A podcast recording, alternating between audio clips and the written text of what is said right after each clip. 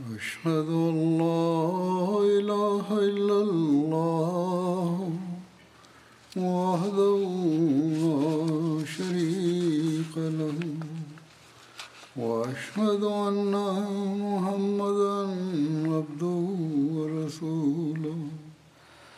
أما بعد فأعوذ بالله من الشيطان الرجيم. بسم الله الرحمن الرحيم. الحمد لله رب العالمين. الرحمن الرحيم. مالك يوم الدين. إياك نعبد وإياك نستعين. اهدنا الصراط المستقيم. صراط الذين أنعمت عليهم.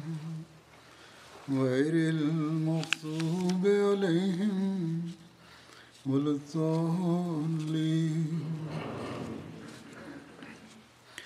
يا أيها الذين آمنوا هل أدلكم هل أدلكم على تجارة تنجيكم من عذاب أليم؟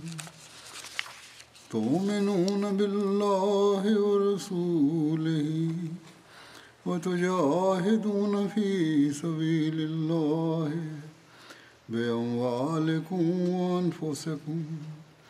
ذلكم خير لكم. إن كنتم تعلمون.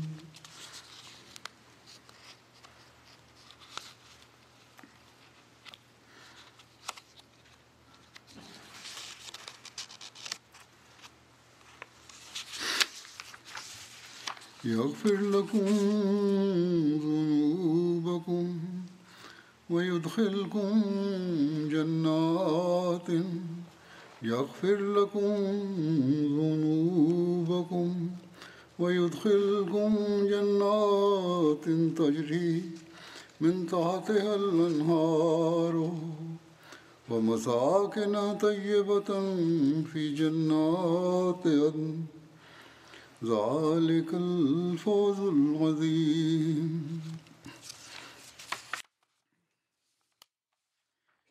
Terjemah dari ayat-ayat ini adalah Hai orang-orang beriman, maukah aku tunjukkan kepadamu perdagangan yang akan menyelamatkan kamu dari azab yang pedih? Kalian beriman kepada Allah dan Rasul-Nya, dan kalian berjihad di jalan Allah dengan harta dan jiwamu. Hal itu lebih baik bagimu jika kamu mengetahui. Dia akan mengampuni dosa-dosamu, dan Dia akan memasukkanmu ke dalam kebun-kebun yang di bawahnya mengalir sungai-sungai, dan ke tempat-tempat tinggal yang suci di dalam surga yang kekal. Itulah kemenangan yang besar.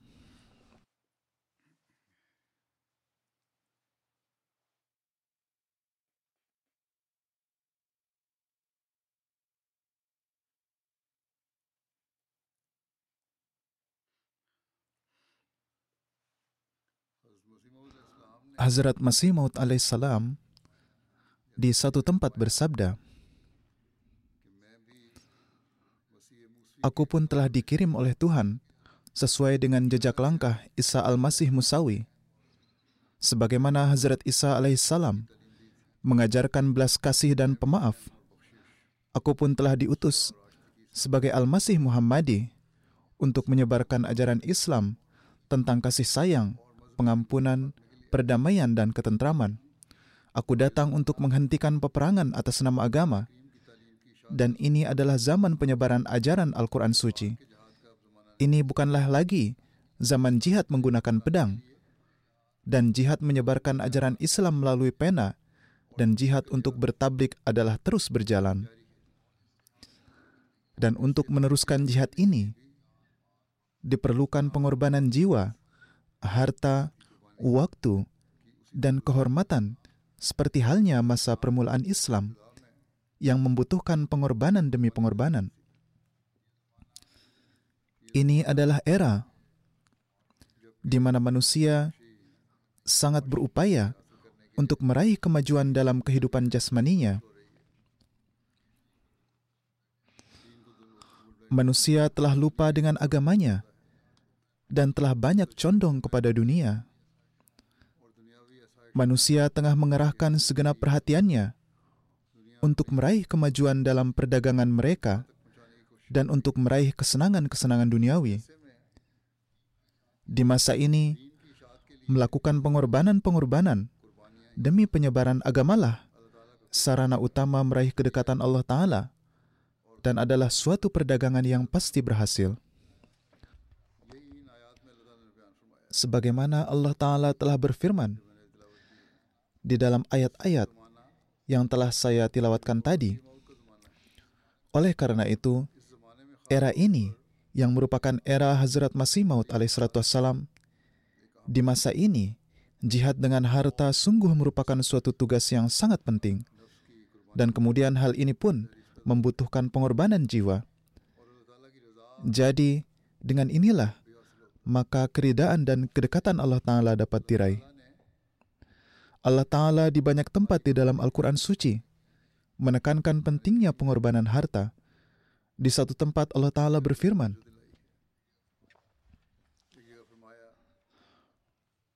وَمَا لَكُمْ أَلَّا تُنْفِقُوا فِي سَبِيلِ اللَّهِ dan apa yang terjadi pada kalian hingga kalian tidak rela untuk melakukan pengorbanan harta di jalan Allah Ta'ala. Jadi Allah Ta'ala berfirman bahwa segala sesuatu adalah berasal dari Allah Ta'ala. Dia menganugerahkannya kepada kalian. Lalu demi meraih pahala, dia berfirman bahwa belanjakanlah harta kalian di jalannya. Alhasil, jika memang memiliki keimanan dan menaruh keyakinan akan wujud Allah Ta'ala, maka ini mengharuskan kita untuk melakukan pengorbanan-pengorbanan di jalannya. Kemudian di satu tempat lain Allah Ta'ala memperingatkan dengan berfirman, anfiqu fi sabilillah wa la tulku biaidikum ila tahluka. Yakni belanjakanlah harta kalian di jalan Allah Ta'ala dan janganlah memasukkan tangan kalian ke dalam kebinasaan. Jadi, siapa saja yang tidak mengorbankan harta yang telah diberikan Tuhan kepadanya, maka ia memasukkan dirinya ke dalam kebinasaan. Saat ini, jihad dengan harta benda inilah yang juga menjadi sarana untuk jihad terhadap hawa nafsu. Tatkala seseorang mengesampingkan banyak keinginannya dan berkorban demi kemajuan keimanannya, maka inilah yang merupakan jihad terhadap diri sendiri. Ini akan menarik karunia-karunia Allah Ta'ala dan akan menjadikan ia dan keturunannya meraih karunia-karunia yang tak terhitung banyaknya. Allah Ta'ala tidak berhutang budi kepada siapa pun. Dia telah menawarkan suatu jual beli yang akan bermanfaat baik di dunia maupun di akhirat dan yang akan menyelamatkan seseorang dari api neraka. Perdagangan duniawi hanyalah sebatas pada keuntungan duniawi saja. Namun jual beli dengan Allah Ta'ala menjadikan seseorang berhak mendapatkan karunia-karunia dunia dan akhirat. Seperti yang telah saya sampaikan, Allah Ta'ala tidak berhutang budi kepada siapa pun.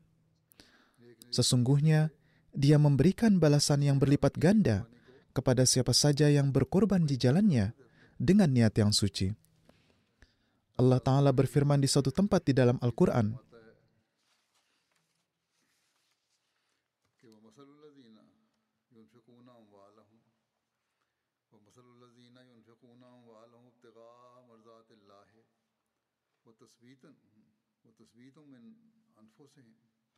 كمثل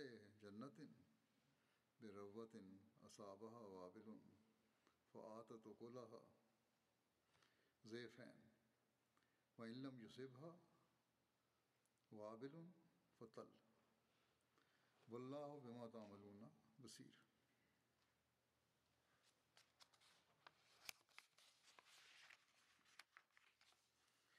Dan permisalan orang-orang yang menafkahkan hartanya demi mencari keridhaan Allah dan demi meneguhkan jiwa mereka adalah seperti halnya taman di tempat yang tinggi. Hujan lebat turun menimpanya sehingga menghasilkan buah yang berlipat ganda. Dan jika tidak hu- turun hujan lebat, maka gerimis atau embun saja sudah cukup. Dan Allah Maha melihat apa yang kalian kerjakan. Saat ini, dengan karunia Allah Ta'ala, hanya para Ahmadilah yang benar-benar memahami pentingnya pengorbanan harta demi agama. Permisalan gerimis tadi, yaitu menyerahkan harta dalam jumlah-jumlah yang kecil, namun Allah Ta'ala menjadikan itu membuahkan hasil yang tak terhitung banyaknya. Kemajuan jemaat ini telah membuktikan hal ini. Banyak orang-orang miskin di jemaat yang memberikan pengorbanan yang jumlahnya kecil, namun Allah Ta'ala menggantikan dengan buah yang tak terhitung jumlahnya kepada mereka. Secara khusus jika diamati, sesungguhnya orang-orang Ahmadi yang miskin dan mempunyai penghasilan lebih sedikit adalah orang-orang yang memberikan pengorbanan yang nilainya lebih besar. Ada banyak sekali contoh-contoh mengenai hal ini. Saya telah menyampaikan hal ini dari waktu ke waktu, dan saat ini pun saya akan menyampaikannya. Contoh-contoh ini harus menjadi perhatian bagi para Ahmadi yang berkecukupan dan harus menyadarkan mereka tentang standar mereka. Ketika seorang Ahmadi yang miskin melakukan pengorbanan, mereka sesungguhnya melakukan jihad terhadap diri mereka sendiri. Ada banyak sekali Ahmadi yang melakukan pengorbanan seperti ini di Afrika, Pakistan, dan India, yang mana mereka mengorbankan kebutuhan makan mereka dan rela lapar untuk melakukan pengorbanan harta. Ketika mereka atau anak mereka sakit, mereka lebih mendahulukan pengorbanan harta mereka dibandingkan pengobatan mereka. Dan Allah Ta'ala tidaklah meninggalkan mereka tanpa balasan pahala atas pengorbanan ini. Bahkan terkadang mereka begitu cepat menerima karunia Allah Ta'ala, sehingga semua pun terheran. Dan ini menjadi sarana memperteguh keimanan mereka. Oleh karena itu, setiap Ahmadi yang imannya lemah, hendaknya jangan sekali-kali berpikir bahwa Allah Ta'ala tidak akan memberi pahala atas pengorbanan yang dilakukan dengan niat yang suci. Khazanah Allah Ta'ala tidaklah terbatas. Dia tidak membutuhkan sedekah atau uang kita. Pengorbanan yang diperintahkan Allah Ta'ala kepada kita ini adalah untuk memberi kita kesempatan menjadi penerima karunia-karunia-Nya. Hazrat Masih Maud alaihissalam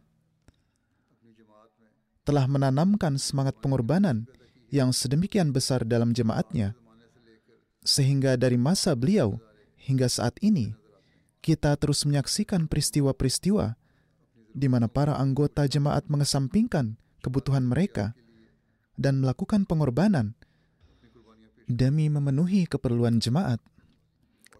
Dan inilah tanda dari suatu jemaat yang akan meraih kemajuan. Dan dengan inilah, maka Allah Ta'ala pun melimpahkan karunia-Nya.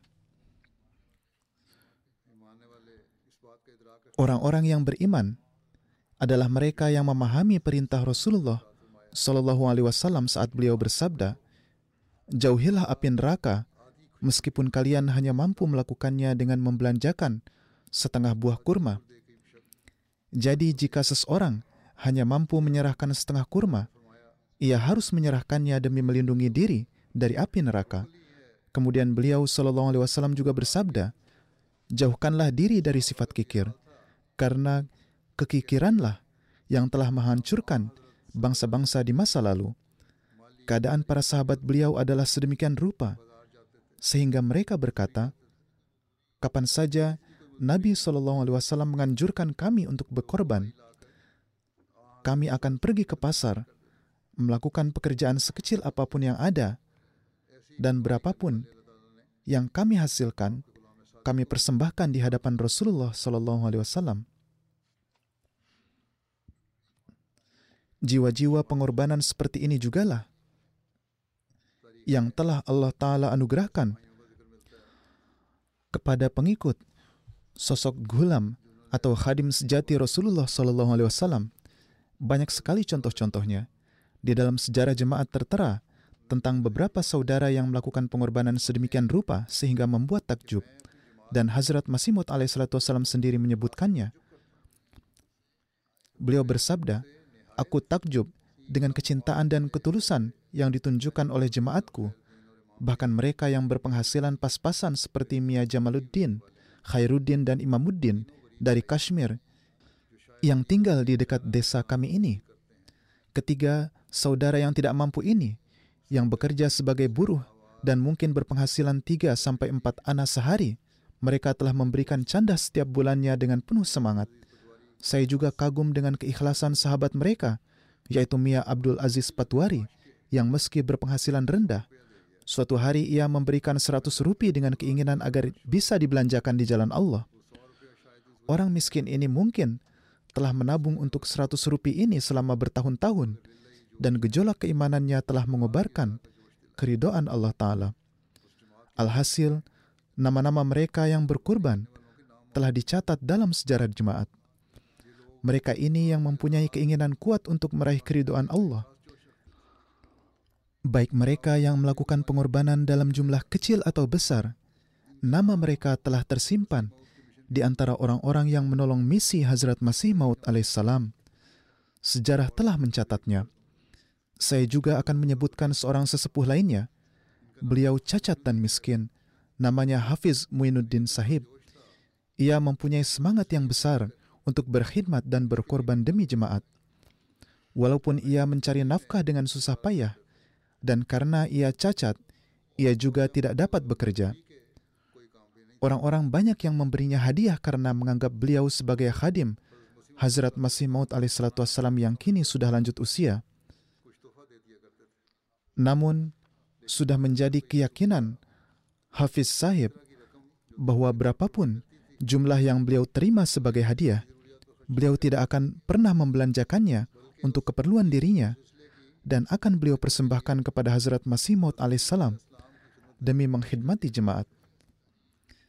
Tidak pernah ada suatu gerakan pengorbanan harta apa pun dari Hazrat Masih Maud alaihissalam yang tidak diikuti oleh beliau. Beliau pasti ambil bagian meskipun beliau menyumbangkan hanya satu paisa. Di zaman sekarang ini, Anda dapat menganggap satu pesa setara dengan satu sen. Dan meskipun demikian, beliau tetap ikut ambil bagian. Sesuai dengan keadaan beliau, pengorbanan yang tidak berarti ini pada kenyataannya merupakan pengorbanan yang sangat bernilai. Dan sering kali Hafiz Sahib juga rela lapar untuk mempersembahkan pengorbanan ini. Mereka adalah orang-orang yang selalu siap mengorbankan segala sesuatunya demi mencapai keridoan Allah Ta'ala. Allah Ta'ala juga memandang pengorbanan mereka dengan penuh kasih sayang dan memberikan buah demi buah yang kini dinikmati oleh keturunan mereka. Oleh karena itu, hendaknya orang-orang yang merupakan keturunan para awalin dan para sahabat harus selalu ingat bahwa jika pada saat ini karunia Allah Ta'ala menyertai mereka, maka ini adalah karena pengorbanan pendahulu mereka yang darinya Allah Ta'ala menurunkan kelapangan. Mereka harus menilai diri mereka sendiri bahwa apakah demi jemaat ini dan demi memajukan misi Hazrat Masih Maud alaihissalam, apakah nilai pengorbanan mereka terus meningkat sesuai dengan semangat pemikiran para pendahulu mereka? Bahkan saat ini pun, sebagian besar anggota jemaat Ahmadiyah adalah orang-orang yang miskin, namun mereka menunjukkan standar pengorbanan yang tertinggi. Oleh karena itu, siapa saja yang memiliki penghasilan besar di jemaat ini, hendaknya mereka memeriksa dan mengintrospeksi diri mereka sendiri.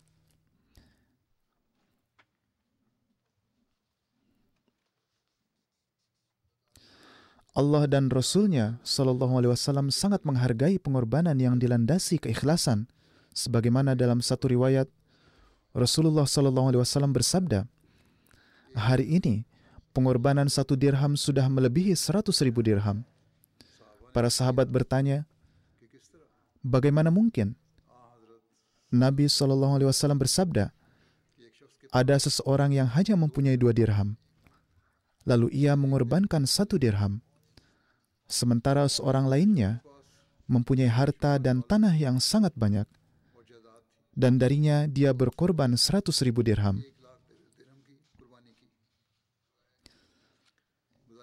Seratus ribu dirham nampaknya merupakan jumlah uang yang sangat besar. Namun jika dibandingkan dengan semangat orang miskin ini dalam berkorban, maka seratus ribu dirham itu tidak ada bandingannya di sisi Allah Ta'ala. Dengan demikian, derajat pengorbanan di sisi Allah Ta'ala adalah berkaitan dengan semangat dan nilai, bukan jumlah. Ada yang mengatakan bahwa jemaat mengambil canda dari orang-orang yang miskin, dan beberapa orang juga terkadang menulis kepada saya tentang hal ini. Ini tidaklah benar. Mereka menaruh hasad atau kedengkian di dalam hati mereka mereka ini adalah orang yang menggunakan nama orang lain untuk keuntungan duniawi mereka dan memenuhi kesenangan duniawi mereka.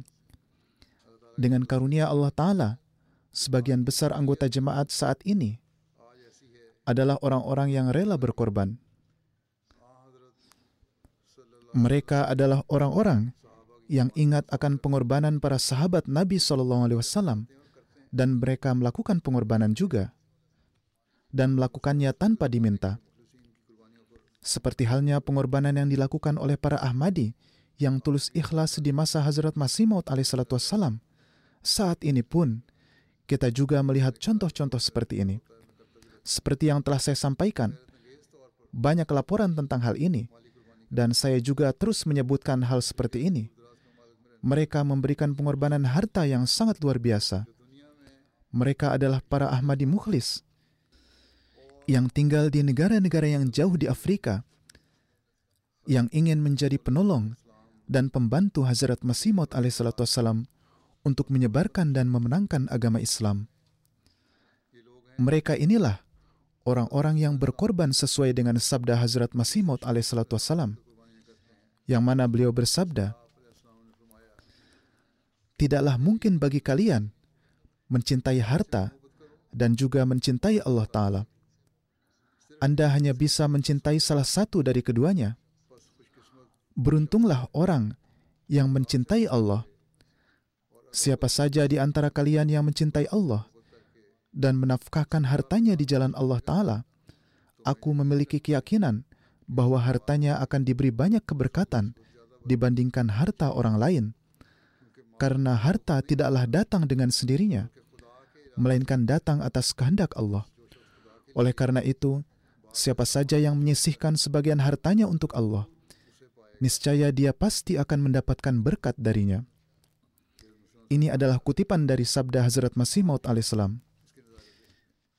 Kita pun melihat contohnya bahkan hingga saat ini, yaitu bagaimana para hamba berkorban di jalan Tuhan dan bagaimana Tuhan segera mengembalikannya kepada mereka. Jika ada orang-orang yang bekerja di tempat dan lingkungan yang sama, namun Allah Ta'ala menurunkan keberkatan pada harta para Ahmadi, sedangkan orang lainnya tidak mendapat berkat sepertinya.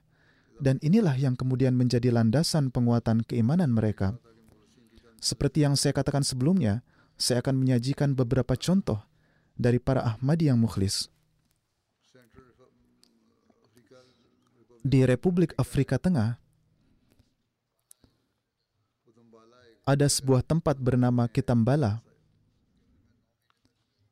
di mana terdapat seorang Ahmadi baru bernama Isa Sahib. Ia menuturkan, saya bayat sembilan bulan yang lalu Pada tahun 2016, saya mempunyai sebidang tanah yang saya beli untuk membuat rumah. Namun saya tidak mampu mengumpulkan dana yang cukup untuk membangun rumah. Saya bergabung dengan jemaat dan mendengar tentang keberkatan dan pentingnya membayar canda. Sekecil apa pun pengorbanan yang dapat saya persembahkan di jalan Allah, saya melakukannya. Dan saya selalu mendengar bahwa Allah Ta'ala memudahkan segala urusan dengan pengorbanan ini dan memberikan kesuksesan dalam kehidupan pribadi dan rezeki seseorang. Lebih lanjut, beliau mengatakan, terlintas dalam benak saya bahwa ketika kami masih non-Ahmadi, kami tidak pernah memberikan canda di jalan Allah Ta'ala satu kali pun, dan tidak ada seorang pun yang memberitahu kami mengenai hal ini. Jadi sekarang saya telah diberitahu. Para mubayin baru biasanya diberitahu tentang canda tarik jadid dan wakfi jadid. Beliau berkata, saya diberitahu tentang hal ini. Saya lalu mempersembahkan 1500 sifa dalam canda wakfi jadid. Dan Allah Ta'ala memberikan pahala sedemikian rupa sehingga seorang teman menawarkan untuk membuatkan 10.000 batu bata untuk rumah dan kemudian ia pun membuatkan batu bata tersebut. Di sana, mereka membuatnya sendiri, yaitu baloknya dari semen. Demikianlah pembangunan rumah yang telah ditunggu-tunggu selama bertahun-tahun pun dimulai, dan rumah itu pun selesai.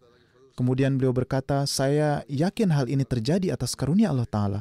Jika tidak, saya tidak memiliki kemampuan ini dalam diri saya, dan hal ini mustahil bagi saya. Kazakhstan adalah salah satu negara bekas Uni Soviet. Tuan Daurin berasal dari sana. Beliau menuturkan beberapa hari yang lalu saya menerima pesan dari Pak Mualim yang mengatakan bahwa canda istri saya untuk wakfi jadi tahun ini sangatlah kecil dan berada di urutan terbawah dan jika memungkinkan ia hendaknya memberikan paling sedikit 5000 tenge saya berpemikiran bahwa istri saya sedang mengandung dan juga akan menjalani operasi. Jadi sebaiknya saya menyumbang 15.000 tenge. Kurang lebih 20 menit setelah saya mengirimkan uang tersebut, saya mendapatkan kabar dari pihak sekolah bahwa karena saya juga mengasuh seorang anak yatim dan memiliki banyak anak, maka pemerintah memutuskan untuk memberikan 100.000 tengga. Sungguh menginspirasi keimanan bagaimana saya melihat Allah Ta'ala memberi saya balasan dengan segera. Tuan Hormat yang berasal dari Kyrgyzstan, negara bagian lain dari Uni Soviet di sana, beliau bekerja di uh, tambang emas dan memberikan candahnya setiap enam bulan. Tahun lalu, ketika beliau membayar candah untuk paruh kedua tahun tersebut, beliau memberikan 6.000 som Kyrgyzstan mata uang di sana lebih dari nilai yang ditentukan. Ketika ditanya alasannya, beliau berkata, harga-harga telah meningkat di seluruh dunia dan ini akan menambah pengeluaran jemaat juga. Jadi saya meningkatkan canda saya dari besaran yang ditentukan. Tahun ini juga ketika beliau membayar canda untuk paruh pertama tahun ini, beliau menambahnya sebanyak 6.000 saum. Dengan demikian, beliau meningkatkan candanya sekitar 40 persen. Ini adalah contoh dari mencari kesenangan dan keridaan Allah Ta'ala. Tidak ada seorang pun yang meminta beliau untuk melakukan hal tersebut. Namun dengan mempertimbangkan berbagai kebutuhan jemaat, beliau sendiri berupaya untuk meningkatkan candahnya. Orang-orang mengatakan, mengapa kita meminta canda? Kita tidak meminta, kita hanya menyampaikan pesan Allah Ta'ala untuk berkorban di jalan Allah Ta'ala di Filipina yang adalah negara di suatu tempat yang jauh. Mubalik di sana mengatakan, Sadar Nasional Khudamul Ahmadiyah mengatakan kepada saya bahwa beliau memberikan sumbangan wakfi jadid sesuai dengan perjanjian. Namun tahun keuangan akan segera berakhir dan beliau mempunyai keinginan untuk memberikan candah lebih dari perjanjian oleh karena itu beliau memberikan seribu peso lagi atas nama orang tua dan ayah mertuanya yang telah meninggal untuk wakfi jadid. Saat itu beliau sedang mengerjakan kontrak di kantor kota setempat sebagai manajer. Pengurangan resiko setelah libur tahun baru, Begitu kembali bekerja, wali kota setempat mempermanenkan jabatan beliau dan menaikkan gaji beliau dua kali lipat. Beliau telah bekerja berdasarkan oh, kontrak selama empat tahun terakhir dan meskipun terus-menerus meminta pekerjaannya tidak dijadikan permanen, beliau mengatakan, sekarang saya yakin bahwa ini adalah buah dari pengorbanan yang saya lakukan dan Allah Ta'ala pasti akan menganugerahkan kepada kita di luar perkiraan kita. Kamerun yang adalah sebuah negara di Afrika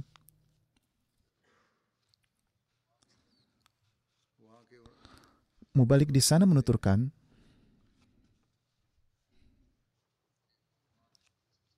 seorang pemuda bernama Yusuf menerima Ahmadiyah. Ia adalah orang miskin dan bekerja sebagai tukang ojek.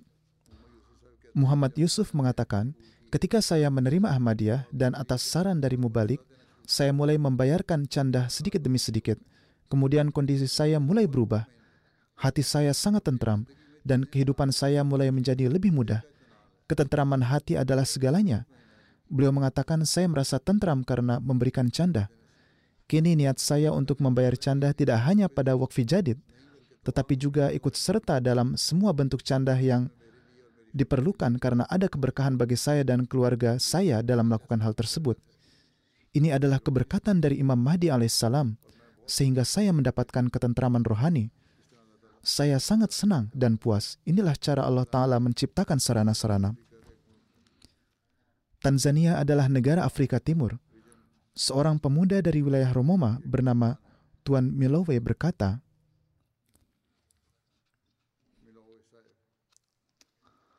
Saya berumur 27 tahun. Saya telah menyaksikan banyak keberkatan dari canda.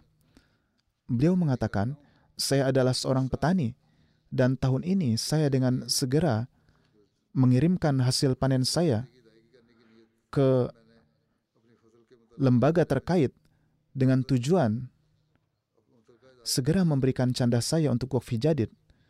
Dan karena itu saya mengirimkan hasil panen tersebut ke pemerintah.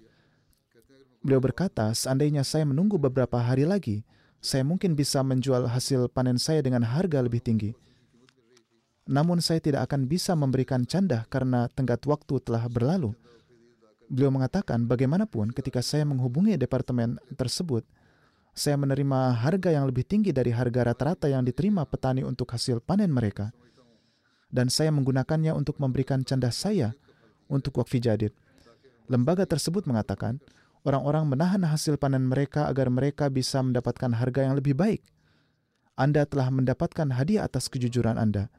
Beliau mengatakan, saya yakin Allah menerima pahala atas niat saya sehingga saya dapat dengan mudah berkorban di jalannya. Tuan Rozamut yang berasal dari Kirgistan, beliau mengatakan mengenai canda wakfi jadid ini, ini sangatlah penting dan dan cerita saya kenal dengan wakfi jadid pun cukup menarik. Saya ingat ketika saya diperkenalkan dengan jemaat Ahmadiyah, saya bertanya kepada Mubalik tentang siapa yang menanggung semua biaya jemaat. Beliau menjelaskan kepada saya secara rinci tentang sistem yang ada di dalam jemaat, yaitu lembaga khilafat dan berbagai gerakan seperti wakfi jadid dan bentuk-bentuk pengorbanan harta lainnya. Beliau menuturkan, saya belum pernah melihat atau mendengar sistem keuangan seperti ini ini adalah pertama kalinya saya mendengar tentang sistem semacam ini. Kemudian setelah bayat pada masa Hazrat Khalifatul Masih Rabi rahimahullah, saya mulai membayar canda setiap bulan dan saya telah melihat keberkatan dari memberikan pengorbanan harta sepanjang hidup saya. Sebelum bergabung dengan jemaat, saya tinggal bersama keluarga di sebuah apartemen yang kami sewa. Kami hidup dalam keadaan yang sulit saya bekerja di berbagai tempat. Saya berada dalam keadaan miskin. Saya tidak memiliki harta tempat tinggal atau sumber pendapatan yang tetap. Berkat pengorbanan harta, alhamdulillah saya telah membangun satu rumah. Saat ini saya memiliki penghasilan yang stabil. Pekerjaan saya tidak sulit dan bayarannya bagus. Ini adalah berkah yang dianugerahkan oleh Allah Ta'ala karena membayar canda. Di Togo, sebuah negara di Afrika Barat, mubalik yang bertugas di sana menuturkan, seorang wanita Ahmadi yang tidak mempunyai uang untuk membayar canda wakfi jadid, beliau menanam beberapa sayuran untuk keperluan rumah tangganya. Beliau lalu menjual sayuran itu di pasar dan membayar canda wakfi jadid. Dengan demikian beliau memenuhi janjinya kepada Allah Ta'ala. Ini adalah hal sederhana, namun ini adalah contoh sebagaimana para sahabat yang pergi bekerja di pasar atau seperti Hafiz Sahib yang memberikan hadiah apa pun yang diterimanya untuk pengorbanan harta. Demikian pula seorang Ahmadi lain bernama Hamzah yang tidak memiliki uang untuk membayar canda wakfi jadid. Beliau memiliki beberapa ekor ayam, lalu menjual sembilan dari antaranya, lalu membayar canda. Orang-orang miskin inilah yang berkorban demi keridoan Allah Ta'ala dan mereka inilah orang-orang yang menghidupkan kembali kenangan para pendahulu kita. Iman Hidayat Sahib dari Indonesia menuturkan, saya terlahir sebagai Ahmadi, saya biasa membayar canda hanya sebagai anggota jemaat, dan hal ini telah menjadi sebuah kebiasaan bahwa sebagai seorang Ahmadi maka harus membayar canda. Saya tidak ikut serta dalam pengorbanan tarik jadid dan wakfi jadid. Atas hal ini, semua saudara laki-laki saya mendorong saya untuk mengambil bagian dalam kedua pengorbanan tersebut dan mengatakan bahwa kita tidak boleh memberikan canda hanya sebagai anggota jemaat, melainkan kita harus mengambil bagian dalam pengorbanan harta untuk mencapai kedekatan dengan Allah. Beliau menuturkan, oleh karena itu di dalam diri saya timbul ketertarikan untuk mengambil bagian dalam pengorbanan tarik jadid dan wakfi jadid. Dan saya mulai melakukan pengorbanan harta untuk keduanya. Setelah mulai ikut serta dalam kedua pengorbanan ini, saya melihat perubahan besar dalam kehidupan saya. Saya merasa seolah-olah saya lebih dekat dengan Allah Ta'ala. Saya juga diberi tanggung jawab dalam jemaat. Demikian pula Allah Ta'ala menunjukkan kasih sayangnya dalam hal rezeki. Yang terpenting, melalui keberkatan pengorbanan harta, saya telah melihat pemenuhan firman Allah Ta'ala, yaitu jika kalian datang kepadaku dengan berjalan, maka aku akan datang kepada kalian dengan berlari. Seorang Ahmadi dari Melbourne, Australia menuliskan pengalamannya sendiri. Beberapa minggu sebelum tahun anggaran wakfi jadid berakhir, para anggota dihimbau bahwa siapa pun yang mampu harus berusaha memberikan setidaknya 5.000 dolar Australia. Saya sudah memberikan 4.000 dolar untuk wakfi jadid. Saya tidak mempunyai 5.000 dolar, namun jauh di lubuk hati saya mempunyai keinginan yang kuat untuk memberikan 5.000 dolar untuk wakfi jadid. Maka dalam perjalanan pulang dari sholat Jumat, saya mulai berdoa untuk hal tersebut. Beliau saat itu sedang dalam kondisi yang baik, namun meskipun demikian, beliau memiliki rasa takut kepada Allah Ta'ala di dalam hatinya. Beliau mempunyai hasrat dan keinginan sehingga beliau tergerak untuk berdoa. Beliau lebih lanjut menuturkan, saya mempunyai bisnis kecil-kecilan sendiri. Suatu hari saya keluar kantor untuk istirahat sejenak dan mulai berdoa untuk mencari solusi bagaimana saya dapat mengambil bagian dalam pengorbanan ini. Dan semoga Allah Ta'ala memberi saya taufik. Lalu ketika saya kembali ke kantor, rekan bisnis saya yang beragama Kristen datang ke kantor dan menutup pintu. Ia menjabat tangan saya dengan gembira dan mengatakan bahwa ia punya kabar baik. Lebih jauh lagi, ia menuturkan bahwa mereka mendapatkan pelanggan baru untuk bisnis mereka yang telah meminta untuk membantu mengatur hal ini untuknya. Biayanya adalah 30 ribu dolar yang akan dibagi di antara mereka berdua masing-masing 15 ribu. Beliau lebih lanjut mengatakan, saya segera memahami bahwa doa saya telah terkabul. Saya menjelaskan kepada rekan bisnis saya bagaimana saya berdoa kepada Allah Ta'ala dan saya yakin bahwa ini adalah hasil dari doa saya. Setelah itu rekan bisnis saya berkata 5.000 untuk amal adalah jumlah yang besar. Saya juga mendapat manfaat dari doa Anda dan saya juga akan ikut membayar canda. Saya akan memberikan setengah dari jumlah yang ingin Anda berikan. Namun saya menjelaskan kepadanya bahwa ada banyak program canda lain yang bisa ia ikuti untuk 5.000 dolar ini. Dan 5.000 dolar ini adalah untuk wakfi jadid yang harus saya berikan sendiri. Alhasil Allah Ta'ala berbuat ihsan kepada saya dengan mengabulkan doa dan keinginan saya. Fiji adalah negara lain di tempat yang jauh. Ada seorang mubayin baru bernama Tuan Zainul Baik. beliau bayat dua atau tiga tahun lalu. Awalnya ketika beliau diikut sertakan dalam gerakan wakfi jadid, beliau menjanjikan sejumlah kecil uang. Tak lama kemudian, beliau diikut sertakan ke dalam candah am. Namun tahun ini setelah mendengarkan khutbah saya, beliau mengetahui tentang pentingnya pengorbanan ini. Beliau lalu meningkatkan perjanjian-perjanjiannya dalam tarik jadid, wakfi jadid, dan lain-lainnya. Dan membayar 10 kali lipat lebih besar. Demikian pula beliau berjanji akan membayar 1 per 16 untuk candah am dari penghasilan mingguannya. Sekarang setiap minggu beliau datang secara teratur dan membayar semua iurannya.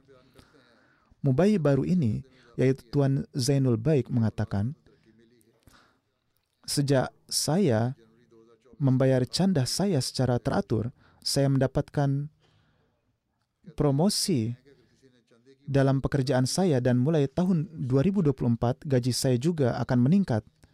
Insya Allah, jika ada yang ingin mengetahui tentang keberkatan membayar candah, mereka bisa bertanya kepada saya. Mubalik di Mikronesia, Tuan Sergil menuturkan, seorang mubai baru, Tuan Simon, diberikan himbauan mengenai pengorbanan harta dan diberitahu bahwa kita memberikan candah demi mendapatkan keridoan Allah.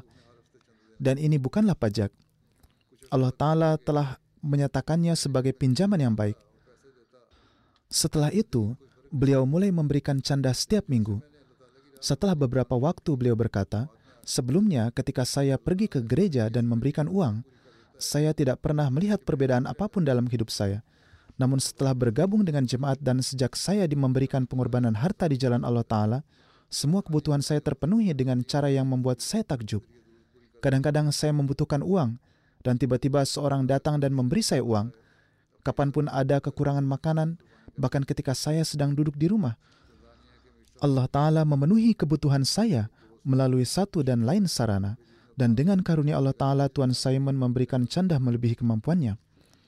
Amir Tanzania menulis, Tuan Bashir membayar 40 ribu siling untuk wakfi jadid untuk diri dan keluarganya. Istrinya bertanya mengapa ia memberikan uang sebanyak itu, padahal keadaan rumah tangga mereka sedang tidak baik. Beliau menjawab dengan mengatakan, Jangan khawatir, Allah Ta'ala tidak pernah membiarkan orang yang melakukan pengorbanan harta di jalannya menjadi sia-sia. Tidak diragukan lagi, dia akan mengembalikannya berkali-kali lipat. Beberapa hari setelah itu, beliau mendapat pekerjaan dari beberapa tempat berbeda, yang melaluinya beliau tidak hanya mendapatkan kembali apa yang telah beliau berikan untuk canda, bahkan mendapatkan penghasilan lebih banyak.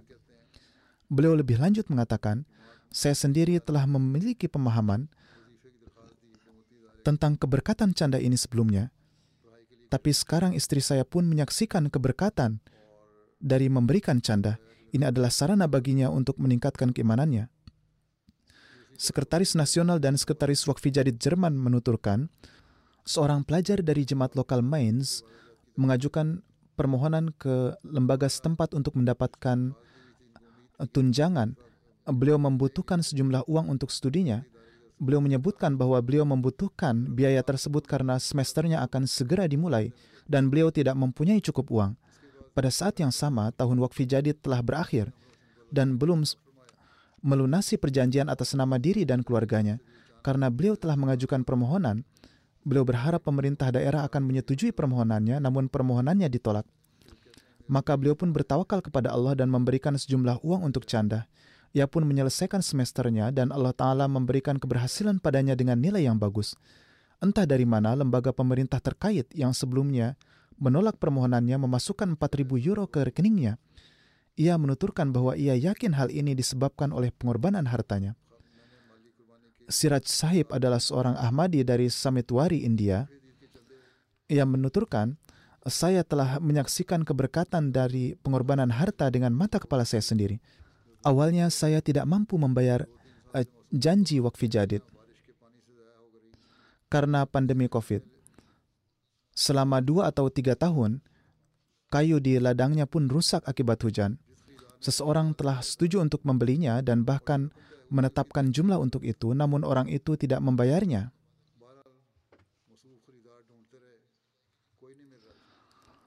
Meskipun demikian, Ia terus mencari orang lain untuk membeli kayu tersebut, namun tidak berhasil. Ia mengatakan bahwa juru pungut wakfi jadid datang dan menagih canda. Ia segera mempersembahkan 2000 rupiah. Sirat Sahib menuturkan, dua hari setelah kejadian ini, tiba-tiba datanglah orang yang tadinya setuju untuk membeli kayu, tetapi tidak mengambilnya. Ia membayar 20 ribu rupis dan mengambil semuanya. Beliau berkata, saya yakin bahwa berkat canda 2000 rupis yang saya berikan, Allah Ta'ala mengembalikannya kepada saya dalam bentuk 20 ribu rupis. Padahal ini adalah barang-barang yang telah kurang nilainya dan akan terus kurang. Seorang anggota lajnah dari Kanada menuturkan bahwa tahun lalu ketika saya, yakni Huzur mengumumkan tahun baru Wakfi Jadid, ia juga berkeinginan untuk memberikan canda untuknya dan juga atas nama anak-anaknya.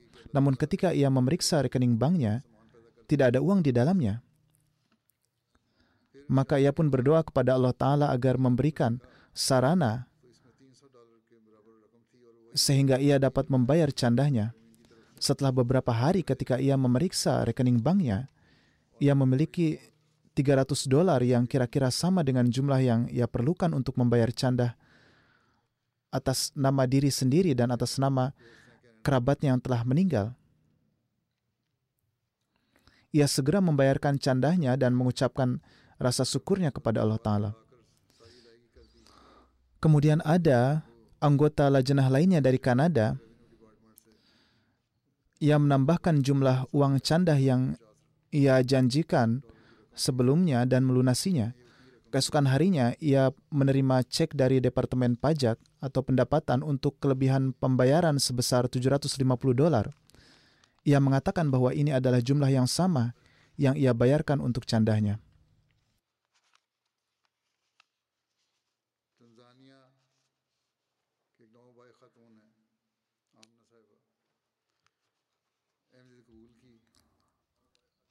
Ada mubayyah baru dari Tanzania yang bernama Amina Sahiba.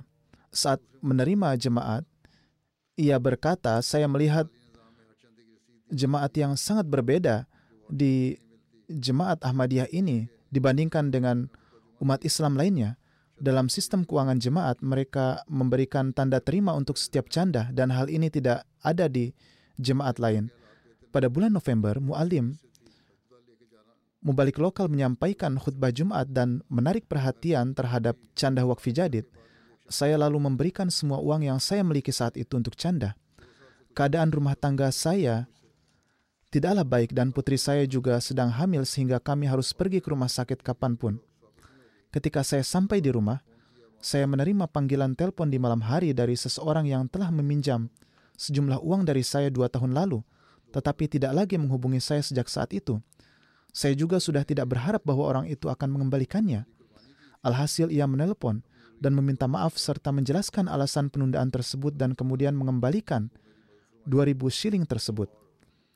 Ia menuturkan bahwa ia telah melakukan pengorbanan harta dan mengabaikan kebutuhan pribadinya.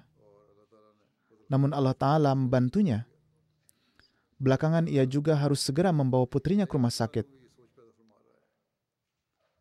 dan Allah Ta'ala melimpahkan karunia-Nya sehingga ia pun dapat sembuh. Oleh karena itu Allah Ta'ala juga menanamkan pemikiran ini kepada mereka yang baru masuk ke dalam jemaat bahwa harta adalah berasal dari Allah Ta'ala dan pemikiran seperti ini hanya ada di kalangan Ahmadi.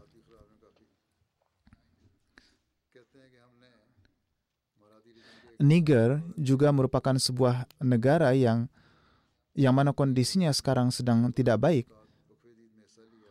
Mubalik lokal setempat menuturkan, kami mengunjungi sebuah desa di wilayah Muradi dan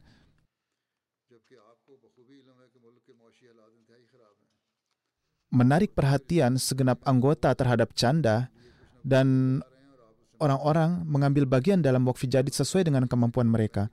Mendengar hal ini, seorang non-Ahmadi mengatakan, anda mengambil uang dari orang-orang miskin di desa kami, meskipun Anda tahu betul bahwa situasi ekonomi di negara kita ini berada dalam kondisi yang buruk.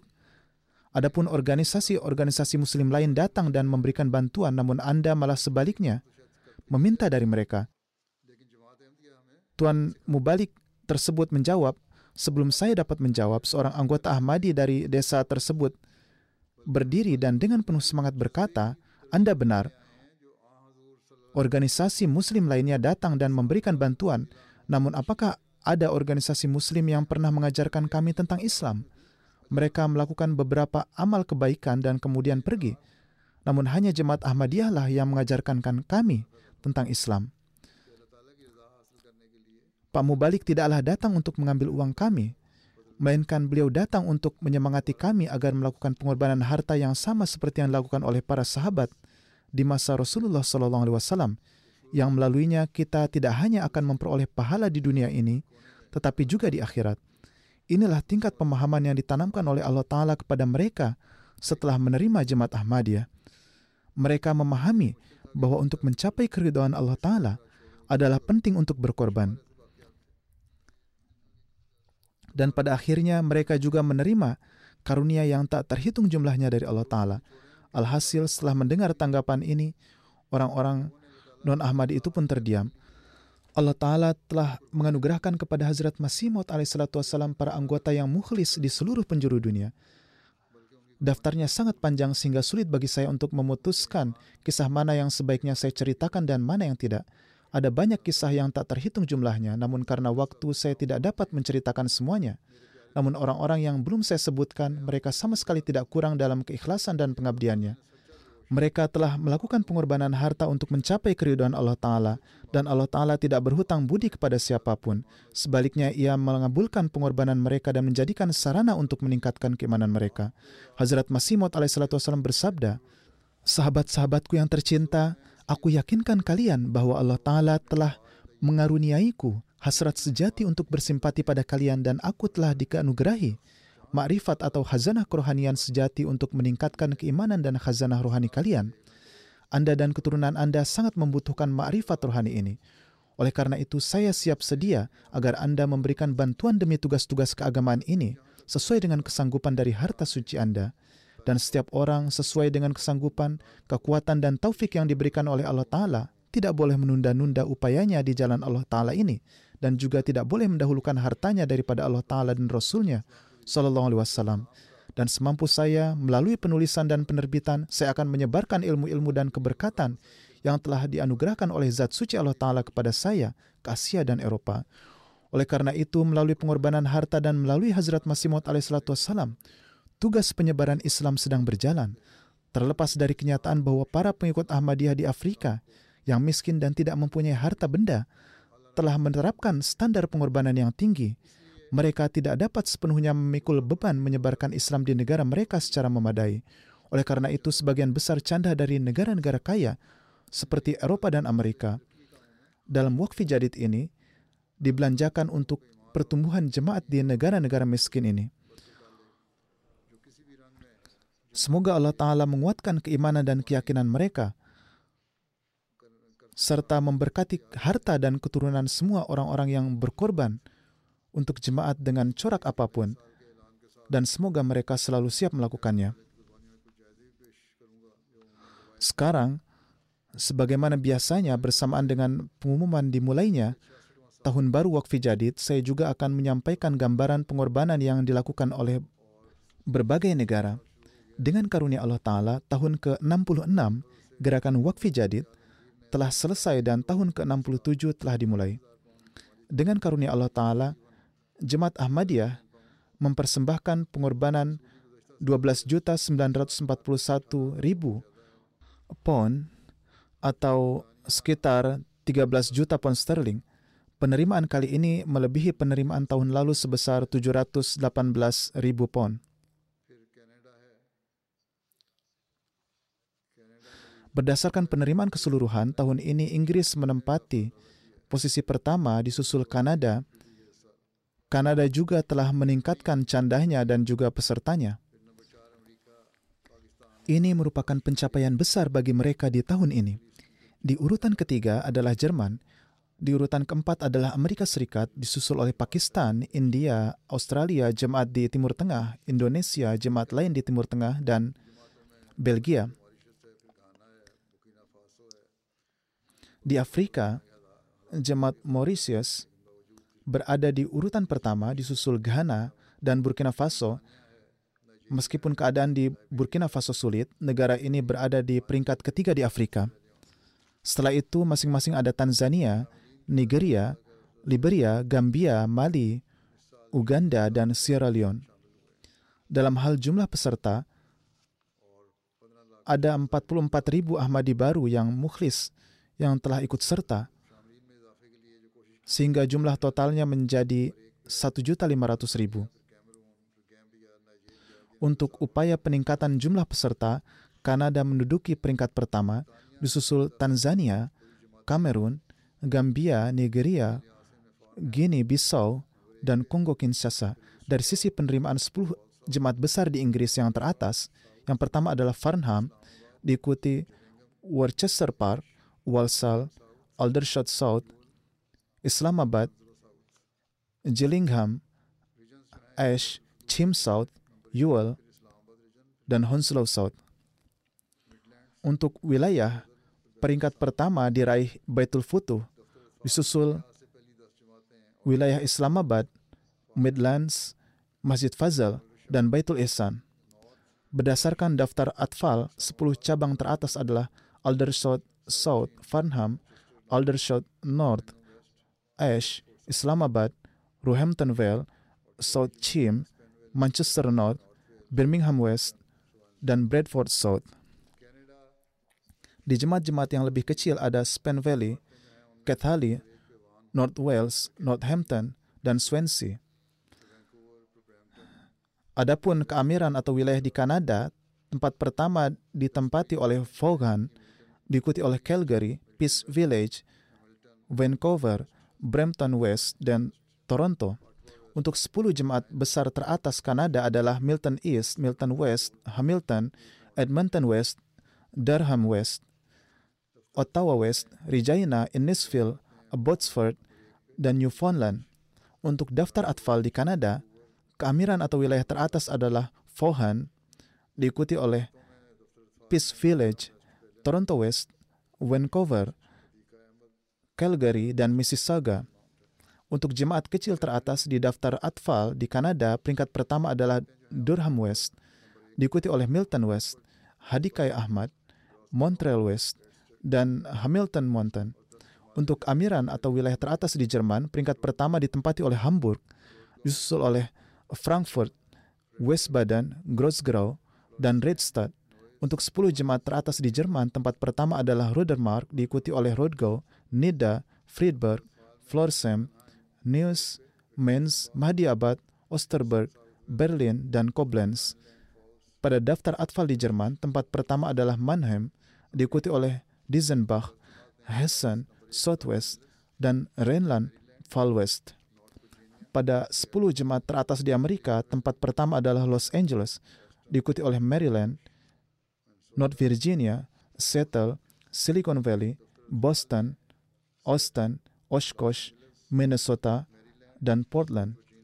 Dan untuk daftar atfal di Amerika, masing-masing adalah Seattle, Los Angeles, Maryland, South Virginia, Cleveland, Austin, Silicon Valley, Oshkosh, Indiana, dan Zion. Di Pakistan, peringkat pertama adalah Lahore, peringkat kedua adalah Rabwa, dan peringkat ketiga adalah Karachi. Adapun berdasarkan distrik,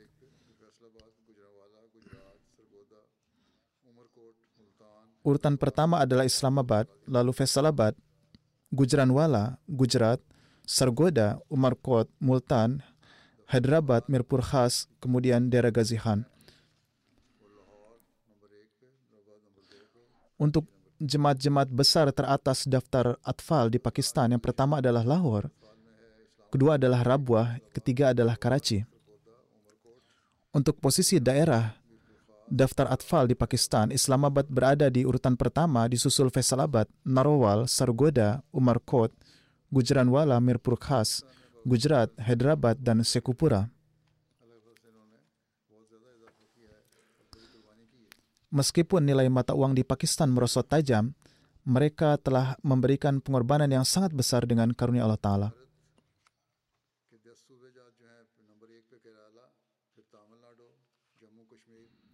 Untuk provinsi teratas di India, urutan pertama adalah Kerala, disusul Tamil Nadu, Jammu Kashmir, Telangana, Karnataka, Odisha, Punjab, West Bengal, Delhi, dan Maharashtra.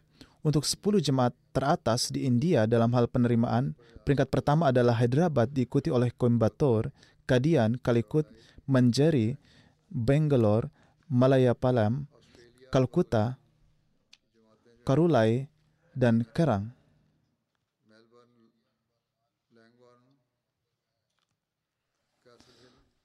Jemaat teratas di Australia adalah Melbourne, Langwarren, Castle Hill, Marsden Park, Logan East, Melbourne, Berwick, Penrith, Perth, Melbourne, Clyde, Parramatta, dan Adelaide West. Semoga Allah Ta'ala melimpahkan keberkatan pada harta dan keturunan segenap Ahmadi yang telah ikut serta. Saya terus mengingatkan untuk mendoakan Palestina, ingatlah orang-orang di sana dalam doa-doa Anda, teruslah suarakan untuk mereka di kalangan terdekat Anda dan sampaikanlah kepada siapa saja mengenai hal ini, terutama politisi, seperti yang telah saya sampaikan sebelumnya, tampaknya pemerintah Israel tidak akan berhenti melakukan kezalimannya. Bahkan, mereka telah mengirimkan pesan kepada tentaranya bahwa tahun 2024 juga merupakan tahun perang. Semoga Allah Ta'ala melimpahkan karunia-Nya kepada bangsa Palestina. Saat ini ada juga yang mengatakan bahwa risiko perang dapat menyebar ke wilayah yang lebih luas. Setelah itu perang dunia bisa pecah. Mereka juga mulai membombardir daerah sekitar Beirut. Mereka semakin menjadi-jadi. Meskipun pemerintah Amerika tampaknya menyerukan kepada mereka untuk membatasi peperangan, hal ini tampaknya hanya sekedar kata-kata yang tidak berbobot. Ini adalah suara-suara yang lemah dan teredam, Tampaknya rencana sebenarnya mereka adalah mengusir warga Palestina dari Gaza dan mengambil alih tanah tersebut. Semoga Allah Ta'ala melimpahkan karunia-Nya kepada warga Palestina dan umat Islam. Semoga Allah Ta'ala memberikan taufik kepada umat Islam untuk berfikir dan mendengarkan serta menerima seruan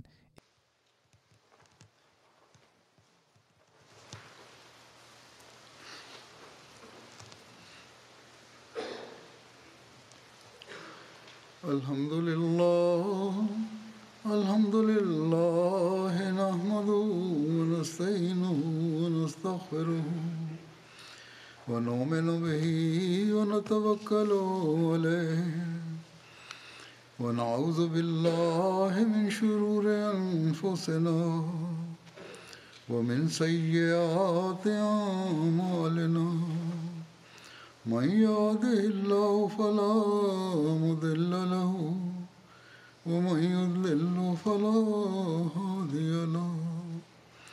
ونشهد أن لا إله إلا الله ونشهد أن محمدا عبده ورسوله. عباد الله رحمكم الله.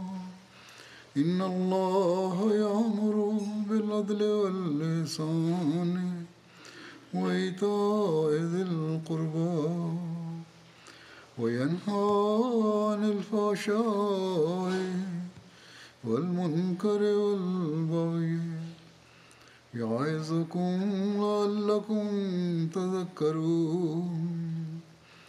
اذكروا الله يذكركم. وادعوه يستجب لكم. ولذكر الله أكبر.